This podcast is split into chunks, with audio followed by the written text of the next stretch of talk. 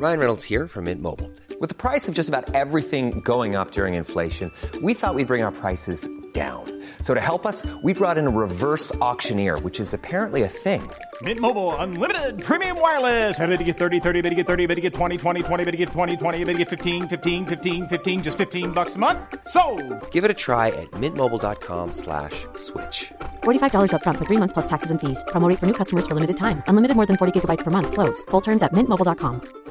There's never been a faster or easier way to start your weight loss journey than with PlushCare.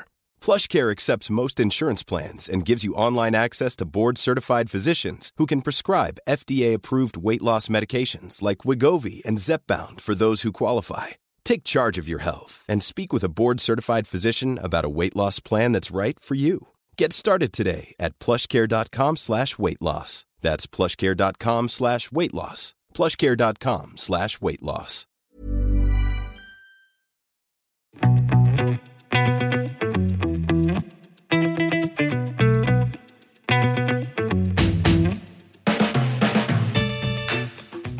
Her er du kommet til en helt ny episode av Klokkelandslaget. Eh, denne gangen så har vi storfint besøk fra Miami. Eh, For vedkommende som er gjest i dag, bor i hvert fall delvis der borte. Eh, Men så er det jo egentlig fra Norge og bosatt i Drammen også. Det er riktig. Ja. Så, og vedkommende som er her, det er jo da Glenn Dale. Så går jo populært eh, under navnet Hublå-Glenn. Fordi det henviser da til merket som Glenn elsker, og som i hvert fall jeg også er ganske stort fan av. Eh, Hublå, ikke sant. Velkommen. Takk, takk. Hvordan, hvordan fikk du dette navnet? Eller tok du, tok du det selv? Det er vel en kombinasjon. Etter Ja. at jeg ble interessert og Når jeg først blir interessert, så blir jeg ofte veldig interessert i noe. Eh, Og da blir man litt sånn enspora. Mm. Eh, Og da blei det veldig mye hublå en periode. Så jeg husker ikke hvem som kom på navnet, om det var meg eller om det var noen som kalte meg det. eller... Og så bare blei det sånn, da. Sånn? Ja. Det, det, det klinger jo veldig bra, da. Jeg mener det. Det, altså, det, er, Det funker jo. Ja. det funker, så jeg, jeg er happy med det. Mm. det. Jeg liker jo klokker generelt, så jeg er ikke, jeg er ikke bare sånn hublå 24-7. eh, Men det er jo hovedsak det Ja, som men det, det er Hublå som står på klokkeboksen din og på jakken du har på deg i dag. Det er Ja. riktig. Det, er riktig. det, er dem jeg, det er dem jeg liker best, Ja. for å si det sånn. Men Startet det med det, eller startet det med andre klokker først? Jeg har jo vært klokkeinteressert siden jeg visste hva klokke var. Som mm. guttunge. Så jeg har vært igjennom alle disse vanlige, alt fra lekeklokker og oppover. og når jeg blei ungdom og ikke hadde økonomi til å kjøpe dyre klokker, så var det jo alt mulig av klokker. Så generelt alltid vært glad i klokker. Um, begynte å tjene penger. Så blei det noen Breitlinger opp igjennom. Uh, vært en tur innom, eller to runder innom Rolex. Eh, og jeg har vært litt sånn all over the place. Eh, og så kom det til stadiet at jeg følte at eh, det blei for mye show-off med mange merker i Norge. Jeg føler at vi er litt trauste. Um, Hvilke, hvilke merker sikter du til da? Nei, det er jo Rolex, da. Ja. Som ofte er litt sånn Det er jo mange som har Rolex fordi de liker det òg. Mm. Men det er også veldig mange som har det for å vise at de har penger, eller at det er hot å ha det. Føler jeg, da. Men er det er ikke, noe, er ikke sånn som øh, det, de som kanskje da har Rolex, ville sagt at, det liksom, at det var liksom, at det er litt sånn som Hublå også er litt noen ganger? Jeg vil ikke si det, for det er jo spesielt i Norge. altså Går du rundt med en hublå her til Men det er ingen som vet hva det er. ingen som vet hvem det er. Og når først en veit det, så er det veldig gøy å prate med den. Mm. For da er den jo oppriktig interessert i klokker. Ja. Ja. Eh, Jeg husker når jeg har hatt gått med Rolex og folk har bemerka det, og jeg ser dem med Rolex og begynner å prate, så er det veldig ofte at de ikke kan noe om det. Nei. Men det er en dyr klokke, og det er en kjempefin klokke. Det er jo ikke noe feil med Rolex. Men det er ofte at den sitter på feil armer, føler jeg. Det burde vært til de som faktisk er interessert. Ja. Mm. og det ser vi jo i dag åssen det er med å få tak i en Rolex. Mange av de som kjøper Rolex, kjøper den jo ikke fordi at de vil ha Rolex. De skal jo tjene penger eller mener det er en god investering. Så, så blir det de som virkelig vil ha dem, sitter her og ikke får kjøpt dem. Og for de som, ikke, de som hører på og ikke vet helt hva Hublå er, det er jo et sveitsisk eh, klokkemerke, åpenbart. Eh, startet på sent 80-tall, tidlig 90-tall. 1980. blank. 1980. Blank. Av eh, Carlo Crocco? Ja, Carlo Crocco. en italiener. Stemmer det. Hva var det som, hva var det som, og det, eller hva var det som var eh, revolusjonerende med Hublå i starten? For det var jo eller, revolusjonerende De gjorde, noe an, de gjorde jo noe annerledes. De hadde kvartsklokke, Ja. som kostet mye, som hadde gummirem. Ja. Og det var litt uvanlig på den tiden. Det var veldig uvanlig. Og så det potthold, som de kaller det, rundt mm. og den biten der. Det var det som var det uvanlige. Ja. Eh, og det var det han starta med. Og så var det vel også i gull. At det Så det kunne være gull, gull ja. og gummi. At det liksom Ja. var den kombinasjonen som var Ja. liksom et veldig edelt materiale og liksom et med simpelt. Ja. materiale sammen. At det Mm. var uh... Det var uh, veldig spesielt. og ingen som dreiv med det. Så ja, det var sånn han starta det. 1980. Men så gikk det ikke sånn veldig, veldig bra i starten. Nei, det gjorde ikke det. Det, var, det gikk smått. Han brukte jo mye tid på å utvikle og sånn, og solgte ikke veldig mye klokker. Og så het det vel noe sånn MDM Genève. Ja, Eh, og mange ja. av disse modellene og alt sånn. Eh, Nå kjenner ikke jeg den historien før Beaver sånn kjempegodt, for det, jeg hadde aldri vært på Hublå i dag hvis hans eh, visjon hadde gått Og videre. det, og det er da Jean-Claude Biver, som er en sånn Han er jo et ikon da innenfor klokkeindustrien, det må vi kunne si. et- Ja, det må man kunne si. De som ikke veit det, bør, bør sjekke ut YouTube Ja. og se, se noen videoer fra han. Ja. For det er gøy. Han, han kom jo da inn på eiersiden av Hublot, Ja. og det Jean-Claude senere har blitt uh, kjent for, det er jo at han er jævlig god på å revive opp merker, eller i hvert fall pusse opp merker, om man kan kalle det det, eller noe sånt. Ja. Uh, ja. Hvordan gjorde han det? Ja, han kom inn i 2004 eh, med alle sine visjoner og armer og bein. Og så revolusjonerte han jo med at de lagde en helt ny modell, altså den som heter Big Bang. Som er den mest kjente nå. Det er, ja, det er vel den mest kjente ennå. Uh, Og den var jo Igjen så var det med gummi, og det var Men det var allikevel noe annet. Eh, Og den ble, tok jo helt av. Uh, Og så har det jo gått bare én vei siden, i og for seg. Så det vel Da gikk de helt fra den gode, gamle gullgummi som han hadde, til den som da Biver introduserte. Da. Som ble en helt annen vei å gå, en annen stil. Og de begynte jo da også veldig med det med, med Big Bang, så var det jo også veldig det med materialer. At de vektla den biten av det gamle, da. Med det å mikse materialer. The Art of Fusion. Ikke sant, det og det, kaller det det? kalte Mm. Slagordet bruker de kanskje fortsatt, men Ja. det var jo liksom det med gummi Eller kevlar, kanskje, var det vel faktisk. Som, Ja, de har vært borti det, det meste sånn- der. Ulike materialer da, for rem og mm, gullkasse og karbonfiber brukte de gjerne på skiven i den veldig klassiske utførelsen. Også mm, keramisk besel. Så det var jo veldig sånn Det høres jo ikke kanskje så spesielt ut i dag. Men da på ja, Big Bang, når lanserte de? Var det i 20, 2004 det Ja, år, eller? Ja. 2004, eller om det var ja, Ja, Eller, eller 2004, ett eller to år senere. eller noe. Men uansett, på, på den tiden da, så var jo dette her veldig spesielt. Mm. Det var jo nesten ingen andre merker som brukte de materialene, og i hvert fall ikke sånn sammen eh, på den måten. Eh, så fikk de jo også litt sånn kritikk fra noen, da, for det var jo litt sånn på, parallelt med, med, med den tiden som det, disse klokkene ble lansert, så var det jo også, begynte jo dette her med litt sånn at ting skal være inhouse, at når man skal være dyre klokker, skal det være spesielt urverk. For det var jo 7750-verk som de begynte med, og som de Jeg vet ikke om de Ja, det bruker kanskje nesten ikke det lenger? Kanskje på noen modeller? ja. De bruker fortsatt på noen, tror jeg. Ja. Men de har jo også gått over mer på egenproduserte verk, da. Men, men på den tiden så var det liksom sånn at enkelte reagerte på det. Mm. Men eh, jeg husker jo Jeg synes personlig så syns jeg jo liksom det at klokka er jo mer enn bare verket. Mm. Og det andre er jo veldig spesielt. Mm. Og det er faktisk en første generasjon Big Bang. er en sånn klokke som jeg har litt sånn på en ønskeliste nå, da. Og en annen, på en eller annen tidspunkt kanskje prøve å skaffe, Mm. skaffe en. For den er liksom Fanger veldig den tidsperioden. Og jeg var jo noe helt nytt og spesielt Ja, på, den, helt eh, på den tiden. Helt enig. Jeg kunne også tenkt meg det, jeg hatt den på et eller annet tidspunkt. Jeg har den store versjonen på veggen Mm. foreløpig. Det er kult. Men jeg har ikke kjøpt eh, armversjonen. jeg bruker ofte litt større klokker, så den er jo 44, men ja, Ja. mange syns sikkert det er stort, men uh, jeg er vant til 48, så Men den, for den, de første liksom, Big Bang-modellene, de begynner å jeg husker når jeg begynte med klokker, så var det ikke sånn, da var ikke den sånn, sånn som, jeg, som, som falt meg sånn veldig inn. Men når de nye Unico eh, Er det ikke det de heter? Mm. Jo, de kom. kom. Å, fy søren. Jeg så lyst på en sånn i 42 mm, den kronografen. Den er- Med er- de sånn ja, hurtigskiftsystemet. den, den er eh, dritfet. Ja. Og det og så, Jeg har alltid jeg, jeg, jeg følte alltid hatt sånn positivt eh, øye til Hublot, men nå føler jeg de første eh, også på et eller annet vis begynner å bli liksom innenfor den litt sånn retro, den litt sånn neo-vintage eh, eller neo-reto-retro-kategorien.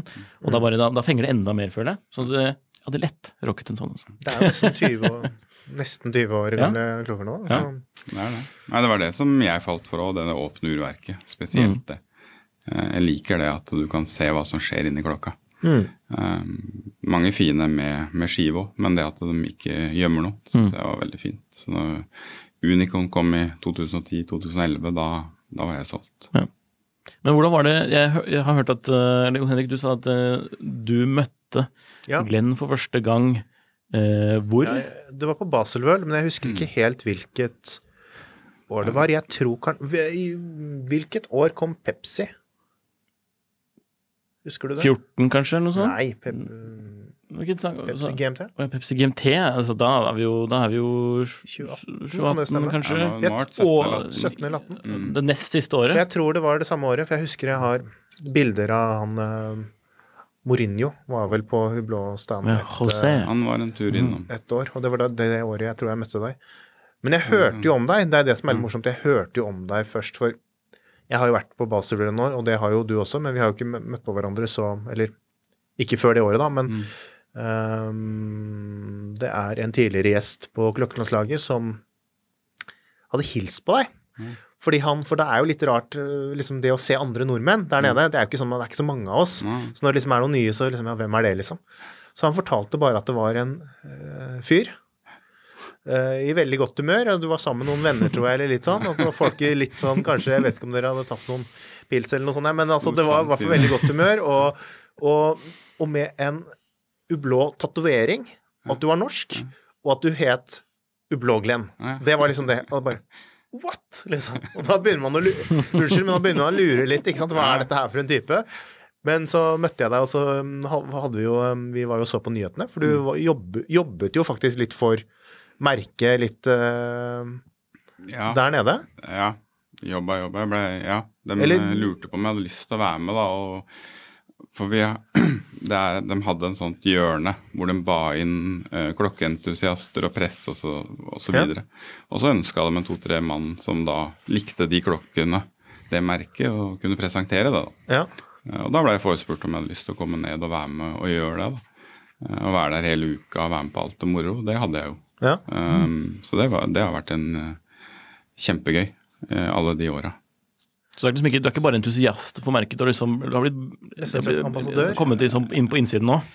Ambassadører? Jeg har fått vært med på mye moro, og det, det har vært veldig gøy. Um, Basel har vi vært flere ganger, som sagt. uh, Vært med på fotball-VM, andre fotballkamper. uh, Ja, forskjellige tilstelninger da, som er, er veldig gøy å være med på. Uh, Og da treffer vi de i systemet, og de som jobber der, selvfølgelig. Og det, det har vært uh, både gøy og inspirerende. Spesielt med Jean-Claude. ja. Så um, ja, det har vært veldig gøy. Så Jeg husker når jeg var på Basel i 2019, så delte du ut sånne eller da, Jeg sendte deg en melding, for vi hadde ikke noe, da hadde ikke jeg og Henrik noen avtale med Ublå. Men så sendte jeg en melding og spurte om jeg kunne komme og se på nyhetene. Så fikset du det, da, naturligvis. Så var vi der nede i kjelleren og så alle diamantklokkene og det var helt eh, vilt. Og så fikk, så fikk, jeg, fikk jeg en sånn bok om Jean-Claude Biver. Vi har, faktisk, vi har faktisk anbefalt den boken i poden her, for den er faktisk ganske bra. Den, er eh, boken om han. Jeg er uh, The Wizard of uh, Ja, Swiss det er den intervjuboken, ikke sant? Ja, jeg kjøpte jo et eksemplar Ja, du jeg, gjorde faktisk det. på Mm. Amazon, eller hvor det var. Ja. Mm. Jeg er ikke kjent for å lese mye bøker, men den har jeg lest perm til perm. Det tar ikke veldig lang tid, men, men den er faktisk veldig bra, syns, jeg. da. Mm. Så den, helt uavhengig av hva man liker av merker, så, så er den fin å lese. Men så litt sånn utover hublå, da, hva annet er det du syns er eh, gøy? Sånn tenker på klokkemessig? klokkemessig. Ja. Nei, jeg syns jo mesinfo klokkemessig, klokkemessig er moro. Mm. Har du noe annet enn hublå for øyeblikket? Ja da, jeg har det. Jeg har jo Selvfølgelig har jeg Moonswatch, det må man jo ha. Ja, du har, for du har jo vært i Miami naturligvis, så da kan man jo faktisk få, få tak i en, kanskje? Ja da, Ja. vi fikk tak i et par stykker, så, så det har jeg jo. Så kjøpte jeg akkurat her for litt siden en Tudor, en bronse I Tudor. Det har jeg alltid hatt lyst på. en Den nye? Nei, det var en gammel. Jeg så en som er brun. Mm. Ja, den er kul. Syns den var kul. Satt på en brun rubberstrap på den, så det syns jeg ble tøft. Så har jeg jo selvfølgelig et par Rolex, da. Mm. De poster ikke noe om. Roper ikke eller poster noe om dem. Eh, men som klokkeentusiast så må du ha noen. Ja, ja. Så jeg har en Submariner og en uh, Yachtmaster 2. Som jeg, så, jeg, så jeg liker jo andre merker. Det er ikke det. Det er vel det jeg har av sånn Ja. Så har jeg noen dataklokker og sånt Ja. annet ræl, som jeg kaller dem. Kvarts. Så ja. Men det er, det er jo hovedsak. Det er jo blå jeg brenner for. Ja. Eh, Det er dem jeg liker. Du, skal vi se på en av de du har med i dag, eller? Det, Um, hvis vi skal vise kamera Det er her Så er det jo den med diamantbesatt eh, besel først. Yep. Uh, hvis jeg viser til kameraet mitt her, så da vil vi oppfordre lytterne våre også til å se på YouTube-kanalen vår, hvor man kan se, eh, se det vi prater om også. Eh, det er jo en bonus for det. Men nå har jeg jo også foran meg her en stor hublå Hublot, naturligvis. Eh, Hublot. Eh, med diamantbesel. Den er vel 45 mm i diameter, Større, kanskje? Den er større? 48? Scheisse. Så er som heter King Power, heter Ja, den den King. Power. Mm. Den er jo ikke Nå skal alle ha mindre og mindre klokker, så Mm. den er jo fra den tida hvor det var populært med litt større klokker. Ja. Den er jo helt rå. Det er en GMT Turbio. Så Så, så, men for de som ikke vet, hva er en turbio? Ja, hva er en Turbio? Ja. Nei, det er jo en annen måte å vise tida på, holdt jeg på å si. Mm. En annen urverktype. Så er, det er vel eh, sånn at eh, balansefjern eh, går rundt sin egen akse, så, så man ikke trenger å Litt hjelp her, Jon Henrik. Jeg er veldig bare fascinert av å se på den klokken. Ja, Ja. Ja, men med en turbion, altså, er det treng, var, Det var vel er- sånn man det er hadde det før i tiden, når det var behov for det i lommeur, Mm. hvor lomme, klokken sto i samme posisjon eh, hele tiden. Eh, mens eh, med en uh, turbion så går jo, er, balan, er jo balansen, som hjelper til med tidtakkingen, naturligvis, Mm. eh, den eh, spinner ut sin egen akse. Så det er, veldig- det er veldig fiffig Den er å se montert på. på en måte et bur, Ja. og så går det rundt, og så blir det da i Som at den på en måte er i mange posisjoner samtidig, eller Ja. nuller ut. ja, den nuller seg selv ut. Ja. Så. Du ser kan han går i bånn der hvis du må Ja, kanskje trekke så- Ja, jeg gjorde det, så vi satte den i gang, så Ja. Det er bra. Da, ja, da ser kameraet det. Ja. Se, Eh, og så er det jo på en uh, sort versjon av uh, Ja. samme. Ja, helt lik i sort. Så en for uh, smoking og en for eh, T-skjorte. Ja, Mhm. det kan du si. det er jo lagd bare 28 stykker av hver av dem, så Ja. de er ikke så masseprodusert. Sjeldne greier, med andre ord. Ja, Det er jo kjempebøse, da. Det er jo Det er fett. Ja. Jon Henrik har jo startet nå en sånn, en sånn, en sånn, eh, sånn eh, litt sånn fake klokkeklubb som heter Big Boy Watch Club for store klokker. ja. Da, da har vi disse klokkene.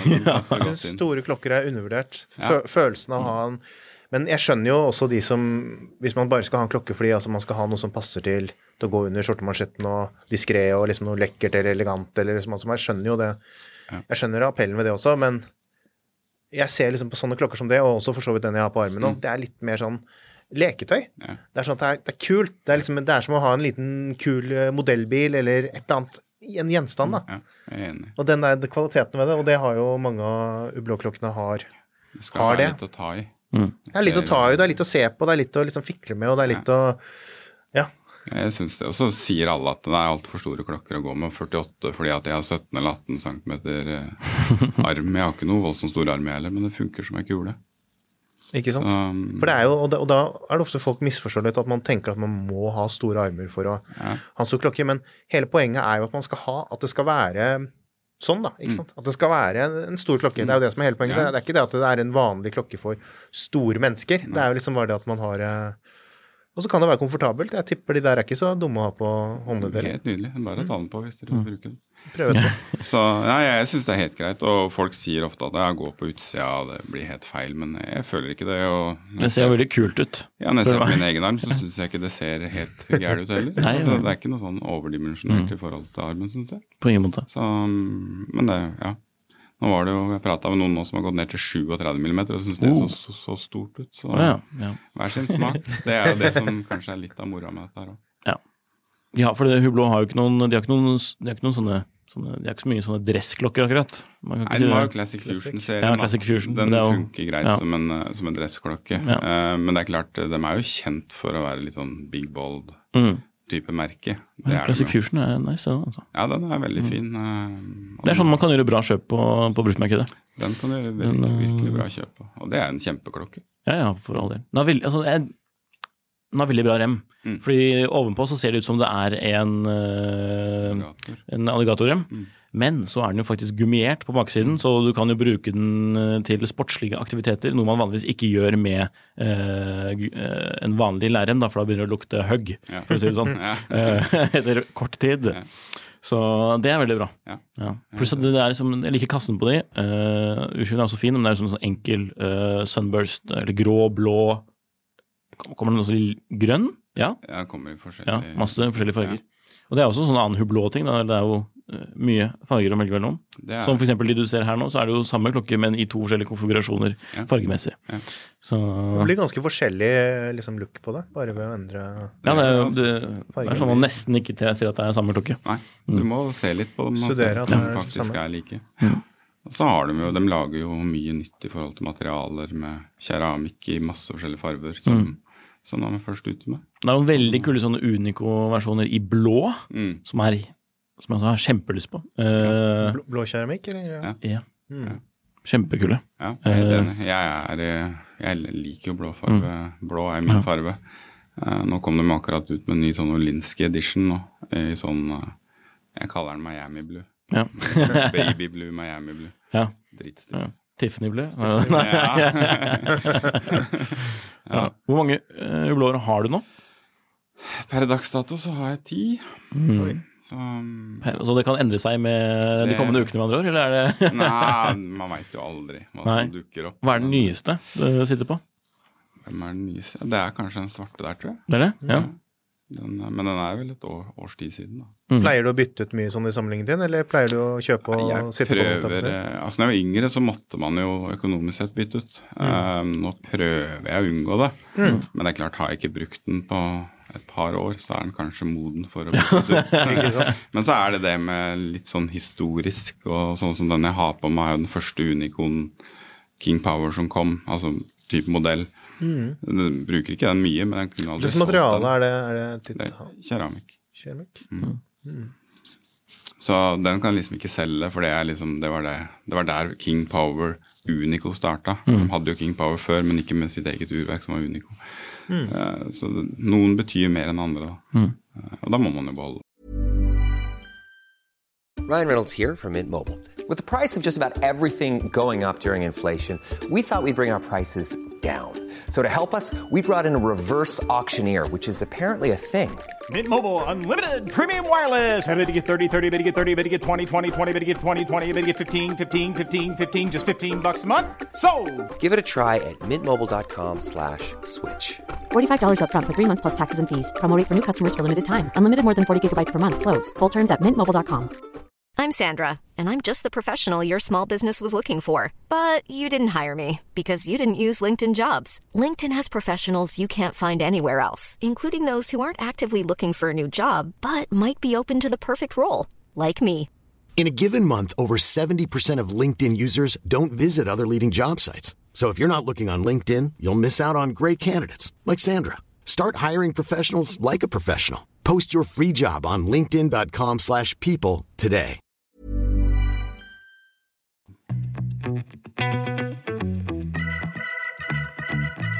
Du var, du var litt inne på det tidligere med det at du var og liksom ja, jobbet for uh, Ublom nede på Baselworld. Um, jeg følger, følger deg jo på, på Instagram, og det virker jo som liksom det er veldig sånn tett community da, rundt blant entusiaster og samlere av merket sånn uh, globalt. Kan du si det? Um, det er jo ikke så stort, i og med at Hublå ikke er så stort som sammenlignet med mange andre. Så man kommer veldig tett på og i kontakt med veldig mange. Jeg har fått masse um, klokkeentusiastvenner, for å kalle det det, eh, via det der. Eh, og det syns jeg er kjempehyggelig. Og da prater man jo om den samme interessen hele, hele tiden. Um, så det, har blitt, det er veldig godt samhold. Det er det jo helt sikkert i mange andre merker, og det er ikke det. Men, uh, men jeg liker det som er i Hublå, da. Uh, og da har vi funnet på masse. Vi har til og med reist og besøkt hverandre rundt forbi og hatt litt sånn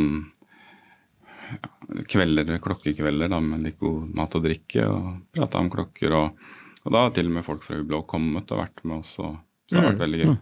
Så du kommer veldig tett på, da. Og det er moro. Um, man blir jo invitert på fabrikken, kan gå der og kikke, få en omvisning. Uh, og det er, tror jeg, kanskje litt forskjell fra mange andre merker. Det er jo andre merker som også gjør det, men, uh, men du føler at du får en helt annen tilhørighet. Da. Det er ikke bare klokka som betyr noe lenger. Nei. Men er det som man kan forvente hvis man liksom har kjøpt seg én ny Classic Fusion hos øh, en forhandler? Ja. Eller liksom, må du liksom ha vært, gjort litt sånn som deg og i hvert fall liksom, kjøpt et par klokker? da? Det viser at du har en viss interesse. Kanskje lagt på Ublå i brukerlandet sitt på Instagram.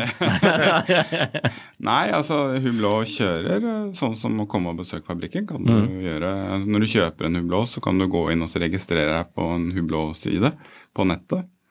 Og der har de en egen sånn fane med Hublå Events. Mm. Som man kan melde seg på. Mm. Deriblant eh, da komme ned på fabrikken. Mm. Det er ikke noe problem å få til. Eh, Men de legger også ut da sånne happeninger med ja, de ambassadørene de har. da. Sånn som nå er det en lang konsert i Paris ja, i løpet av neste måned, tror jeg, med han DJ Snake, da, som har en connection med Hublå, de har laget sin egen modell og alt sånn. Eh, Og da har Hublå x antall plasser med billetter. da. Så da kan du melde din interesse, så kan du bli trukket ut og få. Og det kan alle gjøre hvis du har én Hublå. Ja. Så de gjør veldig mye sånt som er moro. da. Det har ikke Rolex. Nei. Rolex. Tror du, men tror du det er litt sånn Er det litt sånn Beaver eh, sin visjon for merket å markeds... Eller liksom Ja. tror jeg Brand? definitivt der. Ja. Uh, han er veldig inkluderende, og uansett når du treffer han, så han er jo stort sett alltid busy. Men han stopper alltid og sier hei og hvordan går det, og han husker deg igjen hvis du har prata et par ganger, og han møter mye folk. Eh, og da trenger du ikke være helt nerdete innenfor det merket. Han er eh, oppriktig glad i folk og prater med folk, så, så det er veldig hyggelig. Um, og det er litt av det som også var en litt sånn tiltrekningskraft når jeg skulle velge et annet merke å brenne for. Hvordan, har, vi, har vi egentlig kommet helt inn på det? Så hvordan startet liksom romansen for Ublå?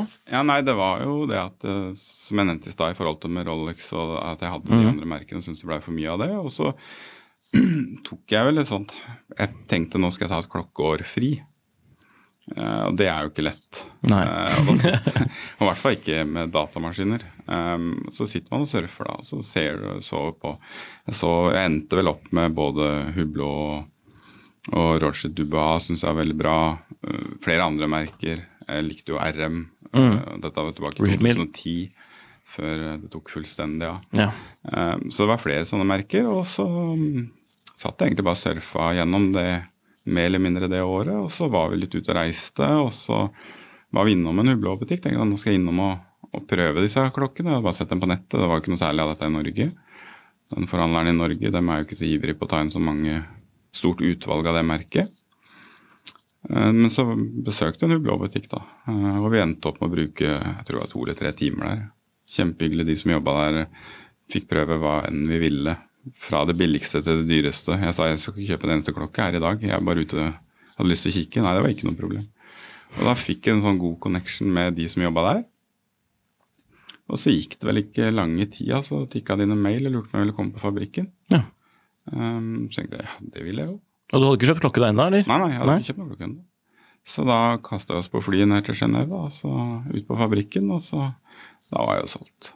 Da var det et par timer der, og tenkte jeg da jeg kom hjem da, så var det bare å finne første og beste mulighet på Finn den gangen, og så bare ikke handle. Det hjelper alltid å dra på fabrikkbesøk. Ja. Det gjør det.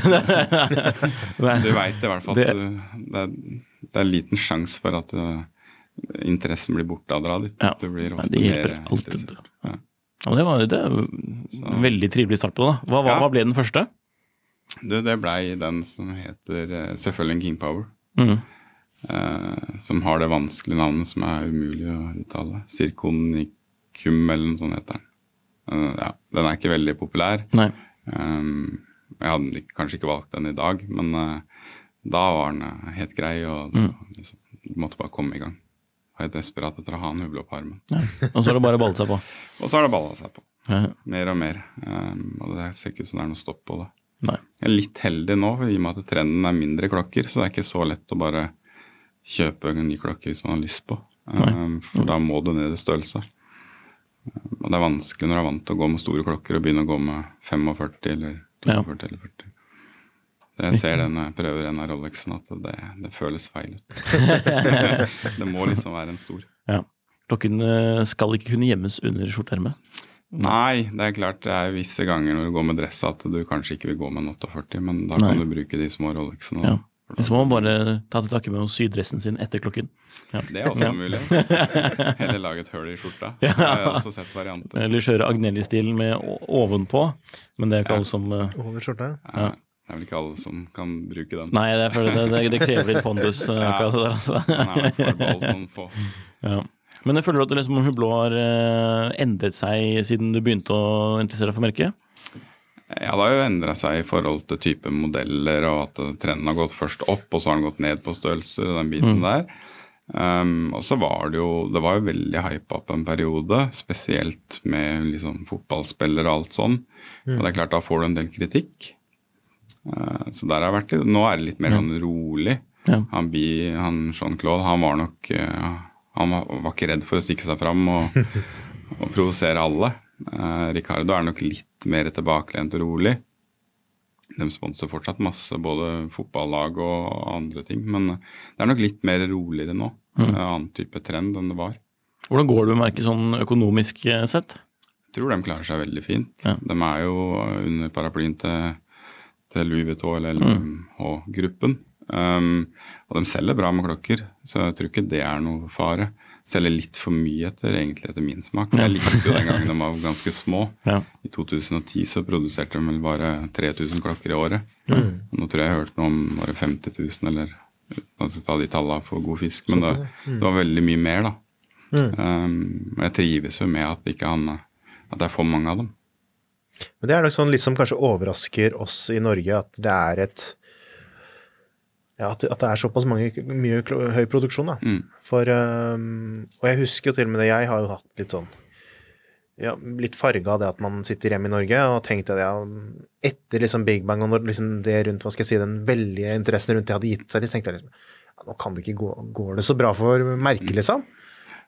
Men så snakker man jo litt med de som kjenner er mye tettere på det, og det går jo veldig bra. Eller har jo gått veldig bra. Uh, Beaver syns jeg er en veldig morsom karakter av de påfunnene han hadde. Det er spesielt en, Jeg lurer på om vi har nevnt det tidligere igjen på det, men de sponset vel noe FN og sånn en periode, Stemmer og så stoppet de med det. Og så uh, Men så gjorde de noe i Monaco likevel. Mm. Fordi eh, Beaver eh, leide plass på en sånn der privat sånn helipad-greie, da.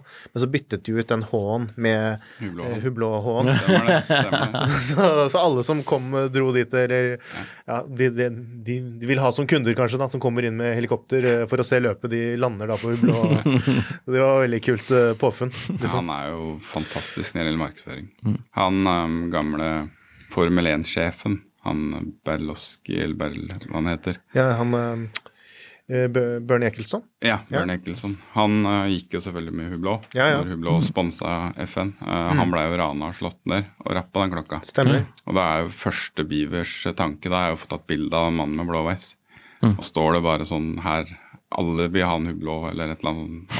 Så langt er folk villige for å gå for, For å gå for en hublå. ja. gå for en hublå. Ja, hva- Har du sett den, Nikolai? Mm, ja, det, det ringer i bjelle. Han står der med skikkelig sånn blått øye. Er Og, helt konge. Helt konge. Ingen andre hadde gjort det. Nei. Han. Hva syns du om at eh, Jean-Claude Biver eh, prøver seg på å lage eget merke nå, da? Under eget navn? Jeg syns det er dritkult. Det er noe du kunne tenkt deg, med andre ord? Ja, eller uten at vi har sett det. klokkene, men ja. Vet du noe mer, eller? Hæ? For det har, det har vært veldig hemmelighetshold rundt dette her, men Nei, jeg veit ikke så mye om det. Altså, han starter jo dette merket, eller dette klokkemerket nå sammen med sin sønn, mm. Pierre, Pierre. som også vil gjerne inn i klokkebransjen. Og så har jo Beaver sagt i mange år at han ønsker, eh, før han gir seg helt, å komme med sin egen modell. Jeg antar at det blir litt sånn type mer dress i klokke, men det Ja. er bare noe jeg tror. det er litt det som det, har vært, det var veldig eh, hemmelighetskremmeri rundt i starten, men under eh, Watches and Wonders så inviterte de ganske mange til å kjøre intervjuer. Og da ligger det en del ute nå på YouTube og diverse hvor de prater om merket, og det stemmer nok det at det er en, kommer til å bli litt sånn um, klassisk. Mer sånn bl tidlig blant Og, nei, det vet jeg ikke, men veldig sånn fokus på håndverk, da. At Mm. det skal Ja, være det veldig jeg. sånn uh, Så jeg uh, tenker at det kanskje kan bli noe mer sånn i retning av nesten sånn Akrivia, FB uh, Sånn, er greie ut fra det de har sagt, da. Ja. Og veldig limitert, og antakeligvis en høy prisklasse. Mm. Eh, Men det hadde jo vært eh, stas, det å ha hatt en sånn samling. Det hadde vært moro. Jeg liker jo ikke logoen som ligger ute nå, eller, men jeg- men jeg vet ikke om det egentlig er en offisiell logo, eller om det bare var litt sånn spøk. For den er veldig lik uh, ja, den som jeg tok på meg i dag, uh, Mm. Blancpain, som jo også er et merke som Beaver uh, var med å Pusse opp. pusse opp og ja. reddet, Ja, vil jeg jo si. Ja. Helt klart. Så Nei, Det blir spennende å se hva det endelige resultatet blir, både i forhold til logo og klokke. Eh, Men det er spennende. Eh, Jeg gleder meg til å se det. Mm. Så får en se om en er så mulig, heldig å få mulighet til å kjøpe en. Jeg tror det blir lagd så få at du omtrent må bli invitert for å få kjøpe. det virker jo sånn, og han sa jo liksom det for nesten for familie og venner, var det han liksom sa. Og det sier jo kanskje litt om hva Nå blir jo sikkert venner brukt litt sånn litt løst, da, men, men likevel så er det sikkert, eh, som du sier, at det er kanskje en årlig produksjon på et titalls Ja. klokker, Ja. Jeg tror ikke han kommer til å lage dette fordi at han trenger penger, akkurat. Det er mer pga. det- interessen. Så um, da har han ikke noe stort behov for å lage noen stor, store greier ut av det. Det er Nei. noen få, så er det Det hadde vært litt hyggelig om han faktisk gjorde det for å For liksom eh, For å gi noe til entusiasten òg, da, Ja. for så vidt. Mm. Uten at man må kjøpe en uh, Big Bang uh, eller uh, ja, noe Blancpa, Mm. på sett og vis. mm. Jeg skulle lage det en sånn folkemodell. Ja, en folkemodell, Så sånn som MBNF har tatt og gjort med den der Friends-klokka si. Mm. Eh, som ikke er Det er jo ikke alle, alle som har lyst på den, får jo ikke tak i den, da, men ja. Det er jo litt sånn, litt sånn trend mot mer uh, folkelige klokker. Uh, litt mer sånn, altså Moonswatch. Mm. Hvordan, uh, du, har fått, du er en av de som har fått tak i en, faktisk. Hvordan føles den? Han er jo liten, selvfølgelig. Ja. Bare 42. Bare 42. Men Ja. utover det så er jeg veldig imponert, jeg. Altså. Det er altså til 2500 kroner. Mm. Det er en kjempefin uh, klokke. ja. Hvilken gikk du for? Hæ? Jeg gikk for uh, Uranus. Ja. Den blå? Ja, naturligvis, for du er ikke blå. Ja. Jeg er blå, jeg. Eh, jeg Det er også også min favoritt. Ja, jeg skulle gjerne hatt Neptun, men den blei jo stoppa opp pga. disse ryktene om at den farva og gudene veit ikke hva. Oh, ja. Så den kom det jo ikke så mange av. Mm. Men uh, det blir nok kanskje Neptun på sikt når de, når de begynner å levere med. Mm. Men Uranus gikk jeg for. Um, veldig fornøyd med den. Uh, og bruker den ganske ofte. Ja. Det er en rimelig klokke, så du kan bruke den alt uten å være nervøs for den. Mm. Så det er morsom. Og passer bra nå når sommeren kommer, hvis man får vært på stranden. Ja. Hva, hva, hva blir sommerklokken din? Nei, det blir nok eh, ofte den, vil jeg tro. Ja, faktisk. Eh, jeg tror det. Når du skal ut og bade, da? Er det Jeg pleier ikke å ha på klokker. Nei, okay. Egentlig ikke. Eh, for det er ofte sol, og da vil jeg ikke ha hvit arm, så da Nei, du vil ikke ha noe sånne klokkeskille? Nei, jeg vil Nei. ikke det, altså. Så da pleier jeg å droppe klokke. Det er litt. Ja, greit, det. Så ellers så har jeg en hublå med hvit reim som ofte kan brukes da på sommeren. Mm. Blir ofte det. Du kjøpte Moonswatch når, du, når du var i Miami, Ja, det er riktig. for der er det jo en del. Du, ja, du bor der delvis, holdt jeg på å si, eller? Jeg bor der um, vinterhalvåret. Ikke sant? Ja. Jeg opplever nok vinter i Norge. Ja. Jeg er egentlig fornøyd og ferdig med det. Så det blir som fuglene, da. Trekker. Når eh, sola går ned. Trekker mot varmere så- strøk. Ja, da trekker jeg over til Miami. Hvordan er liksom klokke, klokkemiljøet der, eller øh, Det er vel en, noe, sikkert en ublå-butikk og sånn øh, der? Det er eh, to bare i Miami, Ja. og så er det jo lenger oppe i Florida, er det jo flere. Mm. Så det er et veldig bra klokkemiljø. Um, og litt tilbake til som prata om i stad, at Hublot ikke var så anerkjent og stort i Norge, så er det mye større i utlandet eh, enn vi nordmenn tror. Mm. Eh, der, er det verre, der er det flere som kjenner deg igjen eh, med klokka at det er en Hublot Ja. når du går på gata, Mm. kontra i Norge.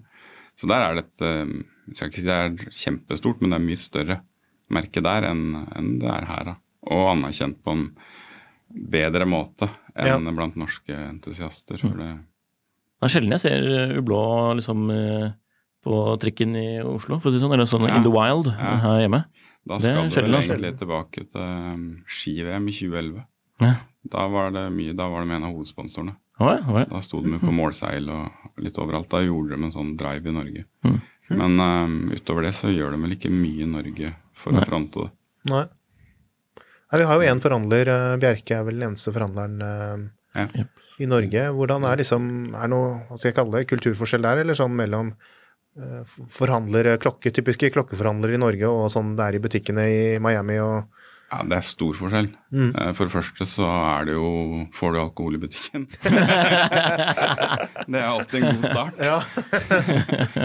ja så føler jeg at det sånn, altså Går du inn i en hublå-butikk som kun prater hublå, og du liker hublå, så er det hyggelig. Går du på en, en butikk som har mange merker, så, så pusher de med alle merker. ja, Så det blir en litt annen setting, Mm. uh, egentlig. Uh, men uh, det er klart, kommer du til blå butikk og du liker hublå, så, så går det jo fort timer. Da går praten, og så, så Kje- Kjenner de deg igjen, eh, holdt jeg på å si? Ja da, de eh, kjenner meg igjen der. Eh, det er ganske ofte innom der, ja. Mm. Det er eh, Det ligger to butikker i Miami på to sånne typisk handle... Kall det Karl Johan-gater i Miami, da. Mm. Så vi er jo støtta stadig vekk en tur innom der. Um, det er vi. Så vi må si hei, og så har vi blitt godt kjent. Så noen av dem er jo faktisk litt med på fritida òg. For det er der borte såpass mye, så får man et nytt kontaktnett der borte. da. Ja. Så um, et par av de som jobber der, er jo venner med har blitt venner på fritida òg. Så vi gjør ting utenom å prate klokker. Mm. er og surfer og ja, sykler og litt sånn forskjellig. Tror du det er litt sånn, måten de jobber på der ved de butikkene, tror du det er litt sånn typisk for eh, hva skal jeg si, at det er en merkebutikk? Eller tror du det er litt mest det at det er i USA, at det er litt annen kultur der? Tror du Jeg tror det er fordi det er USA. Ja? Um, vi er jo innom andre merker der òg, og det er egentlig samme opplegget Mm. uh, på de andre butikkene. Så du føler en um, Jeg vet ikke hva jeg skal si, men du føler, du føler at du bryr deg mer og mer interessert i det. Ja. Um, så få en, det er en helt annen kjøpsopplevelse hvis du skulle kjøpt en klokke i utlandet. Mm. Føler jeg, da. Ja. At de virkelig bryr seg, at de vil at du skal ha den, en god opplevelse rundt det å handle. Mm. Eh, I Norge så er vi mer opptatt av bare å få tak i klokka, og så går vi. Ja. Mens der går det liksom Skal du kjøpe en klokke, så går det en time. For de forteller om klokka, de forteller om alt mulig rart. Um, så, så ja, det er en uh, mer hyggelig opplevelse i utlandet, ja. syns ja for det, det også er liksom kanskje litt min uh, Mm. observasjon, at man leser folk som sier ja, kjempebra kundeservice der og Mm. der, og så er det ofte noen ganger som du sier bare fordi de har fått kommet på en liste da, og Ja. fått lov til å kjøpe en klokke. Eller, at de har, eller at de har returnert en telefonsamtale eller svart på en mail. Ja. Så er liksom det topp kundeservice. Men hvis man sammenligner da med, med Jeg også har gode erfaringer sånn fra USA, at det er liksom, og det, men det har vært også i en sånn multibrand-butikk hvor, Mm.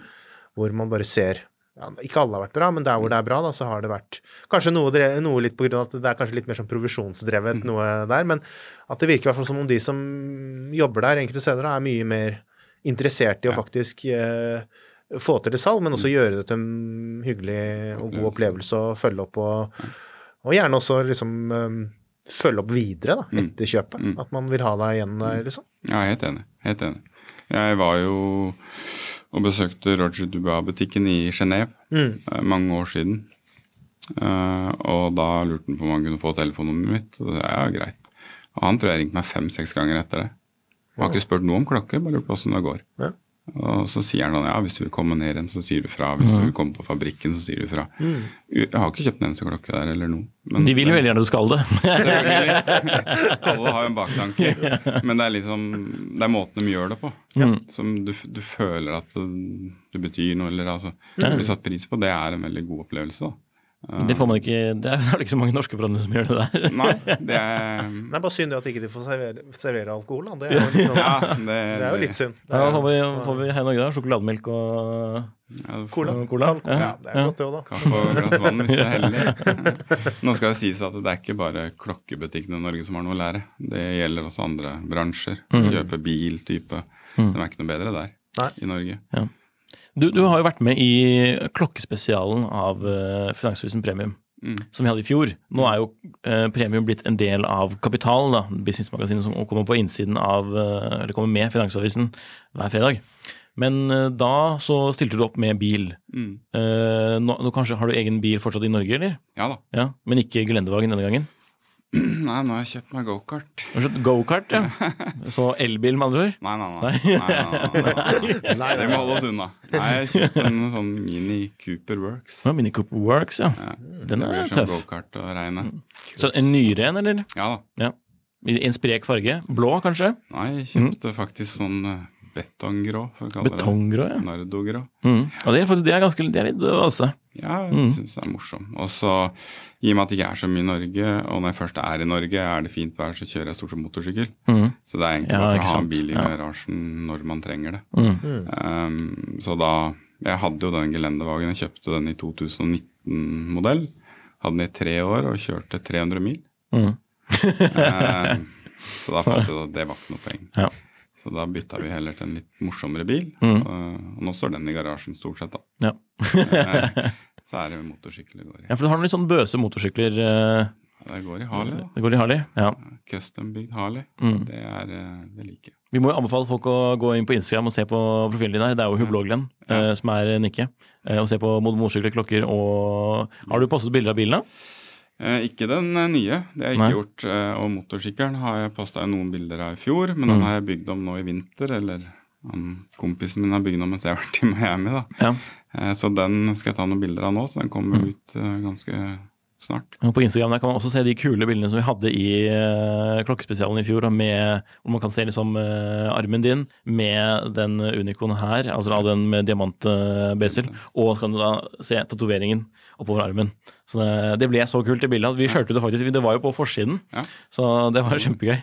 Ja, det var helt rått. Så det var en bra story. Og så kan man også se bildet Ja, da er det jo med deg også. Så, og, og dere sykkelen, da. Ja, så det, er, så det er gøy. Jeg føler, jeg, jeg føler nesten jeg må prøve den klokka. Altså, for det, Bare å prøve. det, de er jo så kule. Um, og så store. Og de, vi liker jo store klokker, så det passer jo helt uh, ypperlig. Um, Jeg ser også på Instagram så har du jo også um, tatoveringen din. Den, den var vi så vidt inne på. Når, eh, eh, hvordan fikk du ideen til det, holdt jeg på å si? Må være lov å si at det er litt ekstremt. Det er Ja, veldig det er det. Du har bundet deg litt da til Ja. eh, Jeg har det, altså. Eh, men det er litt sånn eh, story of my life. Jeg pleier alltid å gå andre veier når det gjelder alt. Men hva som egentlig gjorde at jeg gjorde det, det tør jeg nesten ikke å si. Men ikke annet enn at det var Klokkeinteressen er jo ganske stor, da. når, når var det du tok den, da? Den tok jeg vel i Var i 17 eller 18, da. Mm. Tror jeg det var. Eller begynte på den da. Det gikk jo over et eh, ja, sju-åtte måneder. da. Eh, For jeg tok jo hele armen under ett med da ting som betyr noe for meg. Eh, Deriblant så er jo klokka på armen. Mm. Så er det noe amerikansk preg på armen. Ja, noe med dattera mi er der, og litt sånn forskjellige ting da, som betyr ting. Og så ble alt sydd sammen. Og der kommer jo også klokka inn. Hvilken modell er det? Du, det er um, stålmodellen av King Power Unico. Den jeg har på her, bare at det er stål. Riktig. og den har du også i samlingen. Ja, ja. Ja. Den har jeg sammen. den, den, eh, den lå siden av når hun tatoverte. Mm. de er altså Ja, det er De er kjempekule. Har du, har du noen mindre uh, i, i størrelse også, eller? Av disse ublåene? Uh, nei, jeg har jo ikke det. Så, de, så den minste ublåen du har, den er, den er 48?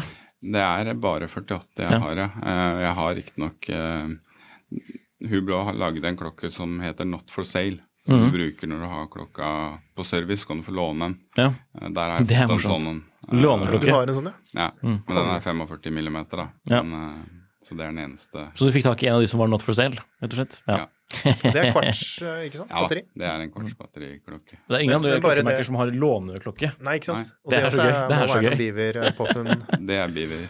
Og det er jo fantastisk kult, da. Ja, og da blir jo plutselig det noe å, å ha òg. Ja. Det er jo ikke noe høykvalitetsklokke som Men i, låner de uti ennå, eller? eh, vet Nei, jeg noe? tror det tror det var en ganske kort periode. Ble det faktisk eh, Jeg har i hvert fall ikke hørt noe om Det var den kanskje litt sånn at folk hadde lyst til å beholde de òg? Sånn at det ble litt Ja, sånn uh... vi hørte noen rykter om at de aldri kom tilbake igjen etter Ikke sant? når de hentas inn. Da hadde de alltid glemt den låneklokka. Ja. Og så kom den aldri tilbake, og så da tror jeg de kutta det ut, så vidt jeg er meg bekjent.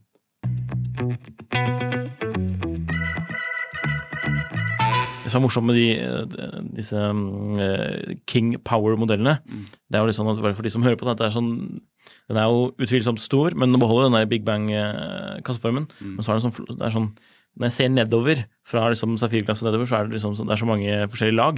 Det er veldig mye sånn tredje- eller tredimensjonelt ved det. Ja. Veldig morsomt. Så det er jo som du sier, at når du liker å se hva som ser på innsiden av klokken, så jeg skjønner at du liker den her. Ja.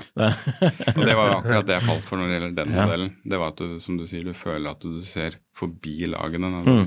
På den vanlige Unicon her, så, gjør, så ser du fortsatt inni, men da er det ikke de laga, Mm. sånn som det er på den. da. Så er det jo greit når man liksom betaler mye for klokka, at man liksom kan se at det er noe bak den prisen også. Så det er, det er liksom Det er det. Og det er, det er jo masse jobb i det. Ja.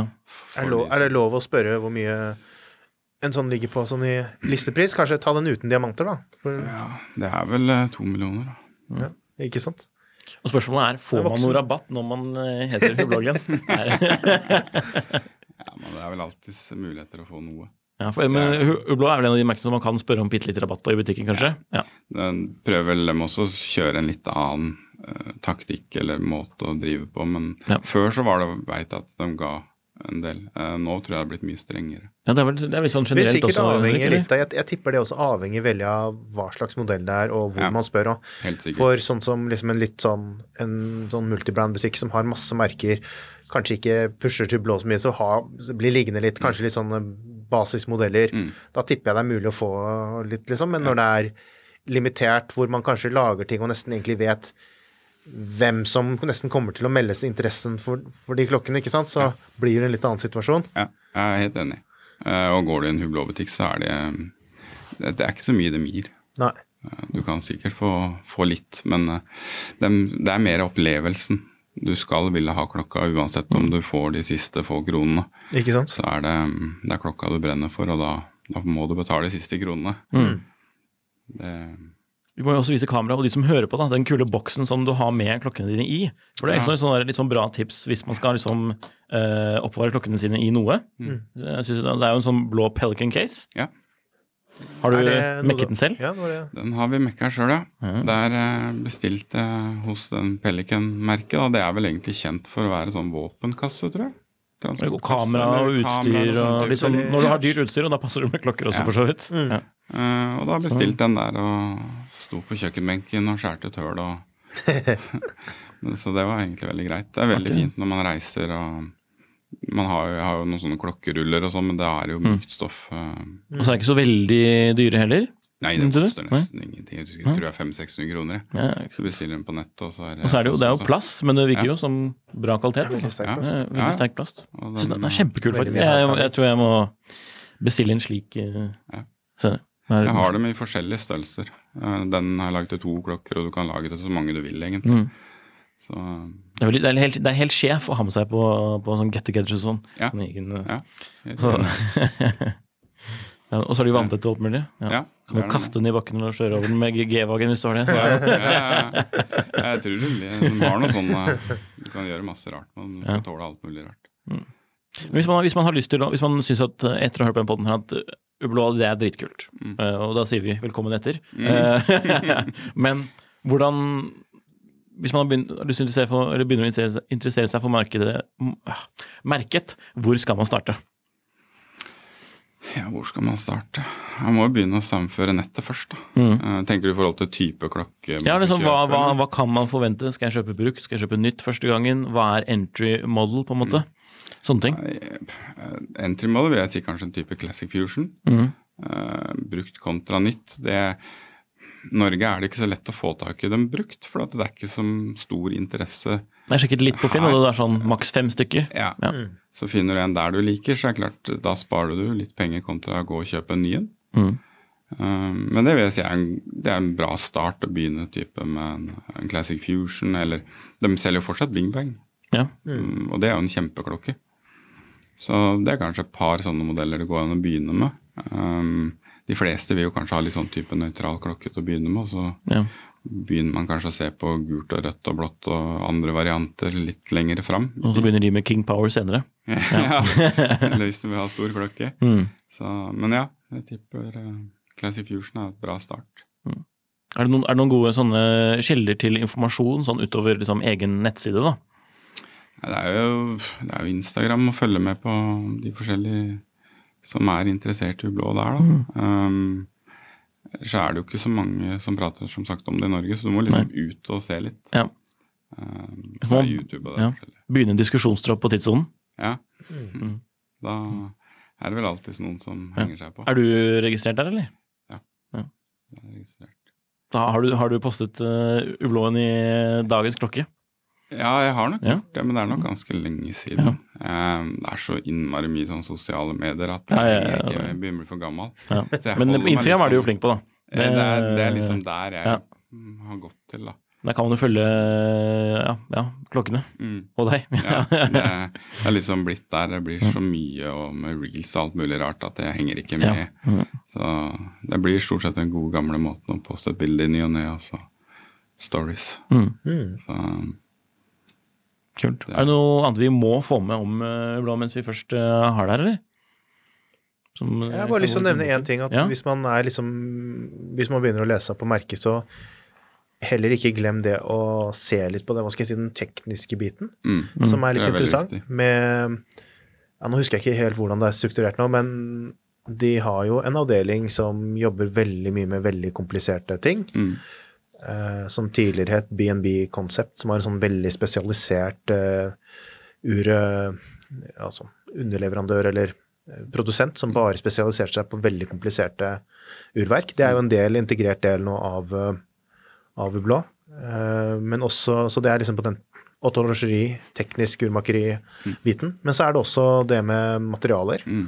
At de er vanvittig gode på materialer. Keramikk. Eh, også safirglass har de gjort mye kult. Kanskje oh, en ja, av noen av mine ja. favoritter i safirglass. eh, Det er også en Unico, er det ikke det? Eh, jo. ja. Den bruker jo Kjempe- veldig mye Unico-urverket, og også Mekati-urverket, som for øvrig er et fantastisk urverk. Ja. Og som du sier da, med safir og Nå kom de jo til og med med Reima i safir, eller lenke da, Og det i er det ikke mange som Det er det vel kanskje nesten alene om. Ja, vi har faktisk, det er faktisk nevnt i poden før også. Mm. Ja, Mm, du har gjort det. Ja, jeg har gjort det. Ja. Den er jo eksempel Integral Tourbillon Full, Full Sapphire, ja. Mm. 43 millimeter. En romslig pris på 400 000 sveitserfranc. Jeg vet ikke om jeg, jeg, vet ikke om jeg hadde turt å ha safirlenke selv, da. Jo, det hadde vært råfett. Og vi, vi, og vi har nettopp spilt inn en episode hvor vi sier 'kjøp klokken med lenke, ikke på rem'. Å ja. Ja, kjøpe, også, eller kjøpe, kjøpe gummiremmen ved siden av. ja. Ok, men da vet jeg det. Nei, de er tidlig ute med ting, da. Og gjerne de som kanskje er først ute. Altså Se på keramikk i forskjellige farger. Mm. Eh, De var tidlig ute med å få til en ordentlig bra rødfarge. Mm. Sammenligna med noen av de større som har besel med litt rødt på, så du ser at det popper skikkelig. Ja. Um, Oh, ja. og andre farger, og ikke minst materialer. Diamanter har du med forskjellige typer av.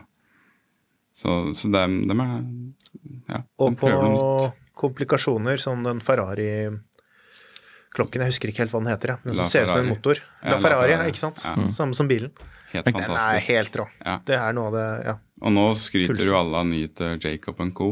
Mhm. det, og hvis man skal prate om sammenligninger, da. Mm. eh, se på La Ferrari som kom for ti år siden. Mm. Det er ganske mye av det samme. Begge er fantastisk klok kule klokker. Har du fått prøve de firkantede nå, eller? Spirit of Big Bang? Tenker du? Å nei, Ja, på den nye. shaped. Hva Den den nye. nå? Shaped. Square bang. Square Bang. Nei, jeg har ikke prøvd den ennå. Nei. Nei, jeg har ikke det. Den Jeg prøvde, prøvde de i Genéve, og overrask... Jeg, jeg må innrømme, når jeg så på bildet, så tenkte jeg nei, det ser ikke ut. Men jeg fikk den på armen, så den er så stor, og ja, jeg syns det var kult. Ja. Og så syns jeg jo også Ja. den, eh, den Men kanskje den favoritten nå, da, det er jo den eh, eh, Murakami uh, Ja, Med den ja, roterende, med den roterende smile, Å, ja. Ja, ja, ja, smilefjeset. ja, ja. Med litt sånn diamanter her og der også? Er ikke det? Veldig. Som roterer. Mm. Ja. Veldig Ja, kult. det- Nå kom det en ny spesielt. versjon av safir. Mm. Og så har de kommet tidligere med en som er svart. Ja. Eh, og den ble jo solgt ut sånn. Ja. Jeg syns en safir er liksom det Ja, er Da får du både det der med glasset og det, ja, det der. Veldig kult. veldig kult. Jeg er helt enig. Eh, Når jeg så bildet første gang, så var jeg litt sånn nølende Men en kompis av meg nede i Miami har den i svart, mm. og den er drittøff. Så helt klart. Er, er- jeg anbefaler alle å gå på altså, Hublå sin nettside og bare, altså, bare bla litt nedover. Bare titte på alle de ville klokkene de lager, basically. Det er jo det, som- det er, det er så, det er morsomt hvor mye variasjon det er Eh, liksom, ja, som sagt, som vi snakket om, alle disse forskjellige materialene som kombineres. Safir, kompositt. Eh, ja. Det er rett og slett gøy, og det er jo det klokker skal være. Eh, med det så tror jeg vi må takke for oss, og vi må takke Glenn som kom. Det har vært helt ypperlig. Eh, nå har vi lært masse om Hublå, og forhåpentligvis dere som hører på også. Eh, ja, igjen, vi må oppfordre til å følge deg på Instagram, da, Hublå Glenn, og ja, vi kan jo si følg meg og Jon Henrik òg, da, for good measure. um, og så må vi jo si hør på de andre podcastene fra Finansavisen, for dette er jo Klokkelandslaget, en podcast fra Finansavisen i samarbeid med tidssonen.no. Og så må du lese tidssonen.no, om det er masse klokkenyheter der også. Og Jon Henrik skriver jo også frilans for Finansavisen, forskjellige publikasjoner. Eh, motor blant annet også, nå i Litt Kapital også. Som er et annet Hegnar Media-produkt. Yes, takk for at du hørte på.